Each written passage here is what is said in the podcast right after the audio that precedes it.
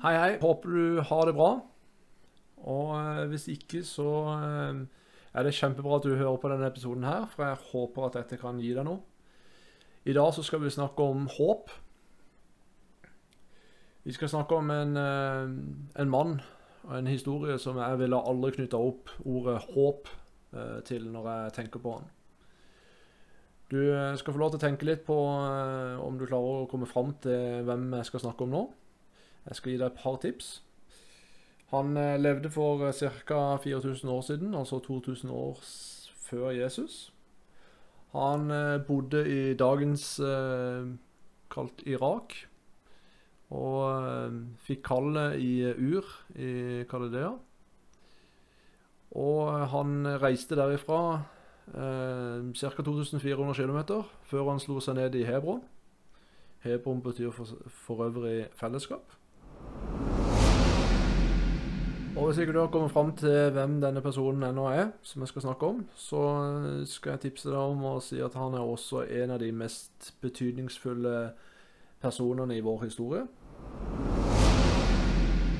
Så hvis ikke du har eh, kommet fram til hvem denne personen er, eh, så eh, kan jeg si at vi kan lese om den personen her eh, i første Mosebok.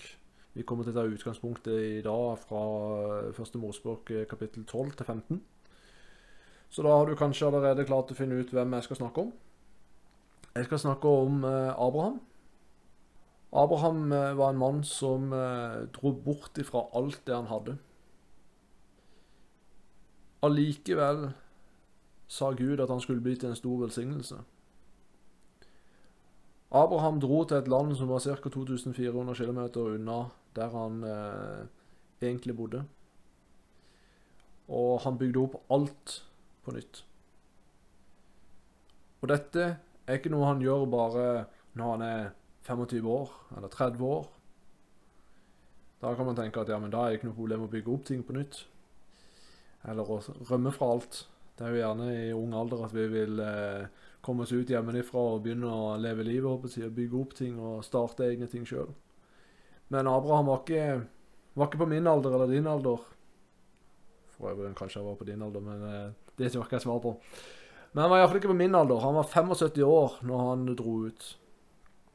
Og når han nærma seg 100 år, altså nærmere 25 år etterpå, så hadde han fortsatt ikke sett noe av Guds velsignelse som Gud hadde lova når han dro ut.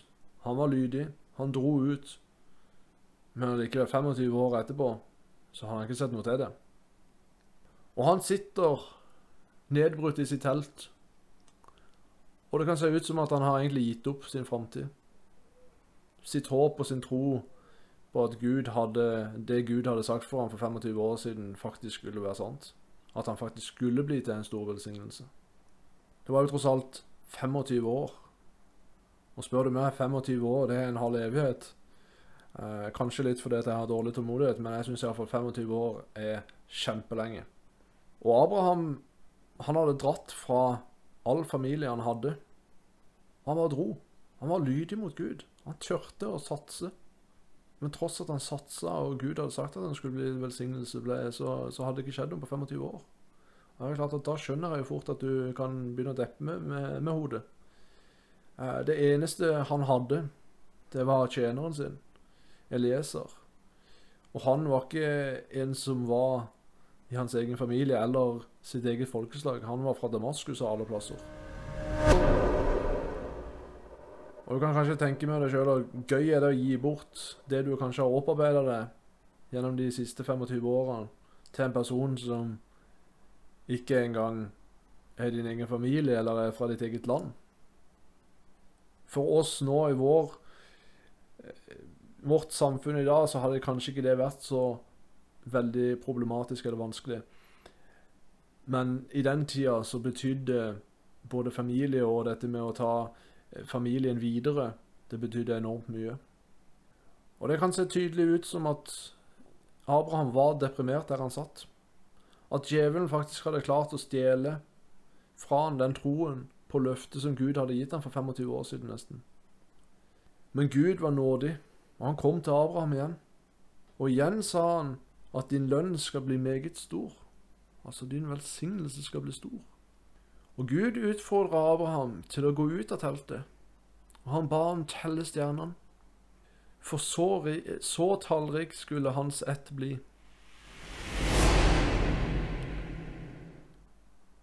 Hva er teltet i denne sammenheng? Teltet er tankelivet vårt, som vi så ofte er bundet opp av. Vi må komme ut av boksen. Vi kan ikke være i teltet resten av livet. Guds vilje kan ikke bli utført når hans vilje er utenfor teltet, men vi bare ønsker å sitte inne i teltet. Håpet er også utenfor teltet. Men vil du gå ut av teltet? Som det står i Romerne 4, 18-21. Selv om alt håp var ute, holdt Abraham fast på håpet og trodde. Og derfor ble han far til mange folkeslag, slik Gud hadde sagt. Så tallrik skal ætten din være. Han var ikke vantro og tvilte ikke på Guds løfter, men ble sterk i troen og ga Gud ære. For han var overbevist om at Gud hadde lovet ham også makt til å gi ham. Det Gud hadde lovet han, det hadde han også makt til å gi ham. Og jeg vet ikke med ditt liv Jeg vet ikke hvor lyst eller hvor mørkt det ser ut. Det kan være at du har mista håpet. Eller det kan være at du har begynt å se lyset. Eller du har mista lyset for lenge siden. Du ser ikke enden av tunnelen. Du ser ikke noe lys. Kanskje du befinner deg akkurat i samme situasjon som Abraham.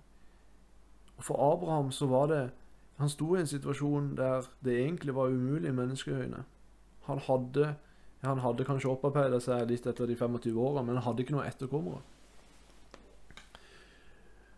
Og det var umulig for han i sin alder av nærmere 100 år å kunne få barn. Og satt i perspektiv så var det egentlig bare å leve ut de siste dagene som var igjen av han, eller som han hadde, og så var etten hans over. Det er det, Hvis du skal se i et menneskelig perspektiv, så er det det resultatet det blir. For han hadde ikke noen muligheter. Men Gud hadde gitt han et løfte. Selv om djevelen hadde klart å stjele håpet fra han, om at løftet var sant. For det var umulig i menneskeøyne. Men det er da også vi må huske på at alt er mulig for Gud. Og Gud viser seg jo på nytt for Abraham, sånn at han fikk troen igjen. Og kanskje det er det Gud også vil, eller kommer til å gjøre for deg i den situasjonen du står i. At han vil vise deg igjen om han gir deg ord, eller om han sender mennesker inn i livet ditt, eller situasjoner som han setter deg opp i. Så kanskje han får det, den situasjonen der til å få deg til å komme på rett kjør igjen. Til å se lyset. Til å tenke på hva faktisk Gud lover deg. For det Gud har lova deg, står han fast ved. Han vil aldri svikte deg. Han er en Gud som er trofast. Så hold fast på hans løfter og hans ord, og gi han ære, selv når du ikke ser det. Selv når du ikke forstår at det er noe håp, så kan du klandre deg fast til Gud. I hans håp og i hans løfter, for han, kan, han kan ikke svikte. Og til slutt så vil jeg bare be en liten bønn. Jesus, du lovte for ca. 4000 år siden ga du et løfte til Abraham om at han skulle bli tallrik. Vi vet i dag, og vi ser det i dag, men når Abraham var midt oppi det, klarte Satan å ta håpet fra ham. Men med din nåde viste du deg for Abraham igjen og styrket ham. Jeg ber om at du, Herre, som lytter. Til alle de som sitter der ute og hører på i dag. De som ikke finner et håp. De som sliter. De som står i en situasjon som vi ikke klarer å se en framtid i. Jeg ber om at du på samme vis vil styrke dem igjen i dag og gi dem et nytt håp slik at de kan holde fast på dine ord og at de kan glede seg over det du har gjort for dem, og det du er på vei til å gjøre for dem. La ikke djevelen få rom, men la du, Herre, beskytte deres tanker og deres sinn, slik at de kan stå fast i alt med deg, Gud. Vi takker og priser deg, Gud, for din nåde og din godhet. Amen. Så jeg vil bare ønske deg en fantastisk fin dag. Og igjen er det noen ting vi kan forbedre her, eller noen ting du vil ta opp, eller noen ting som har skjedd i livet ditt siden sist, så ikke vær redd for å ta kontakt. Du kan eh, gå på vår Facebook-side. Der har vi en side som heter eh, En annerledes hverdag, som du kan skrive inn. Eller du kan sende en e-post til eh, flyvende hybelkanin at outlook.com. Altså flyvende hybelkanin at outlook.com.